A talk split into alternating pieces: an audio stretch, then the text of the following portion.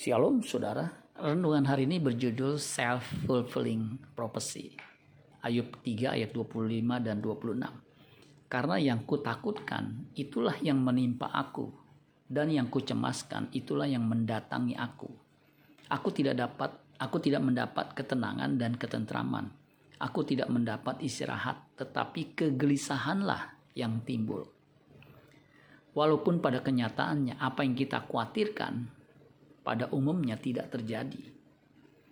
Orang khawatir jika naik orang khawatir jika naik pesawat udara akan terjadi kecelakaan. Kenyataannya, kecelakaan pesawat udara jauh lebih kecil daripada kecelakaan di darat.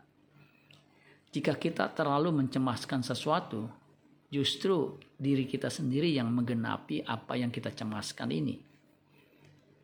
Ini yang disebut self-fulfilling prophecy. Kita yang bernubuat dan kita sendiri yang menggenapinya. Ada baiknya kita tidak khawatir seperti ajaran Kristus. Matius 6 ayat 25. Karena itu aku berkata kepadamu, janganlah khawatir akan hidupmu, akan apa yang hendak kamu makan atau minum. Dan janganlah khawatir pula akan tubuhmu, akan apa yang hendak kamu pakai. Bukankah hidup itu lebih penting daripada makanan dan tubuh itu lebih penting daripada pakaian. Para ekonom memperkirakan tahun 2023 adalah tahun resesi global. Makanya disebut tahun yang gelap. Jangan terlalu khawatir, tetapi tetap waspada. Matius 6 ayat 26 sampai 31. Pandanglah burung-burung di langit yang tidak menabur dan tidak menuai dan tidak mengumpulkan bekal dalam lumbung, namun diberi makan oleh Bapamu yang di sorga. Bukankah kamu jauh melebihi burung-burung itu? Siapakah di antara kamu yang karena kekhawatirannya dapat menambahkan sehasta saja pada jalan hidupnya? Dan mengapa kamu khawatir akan pakaian?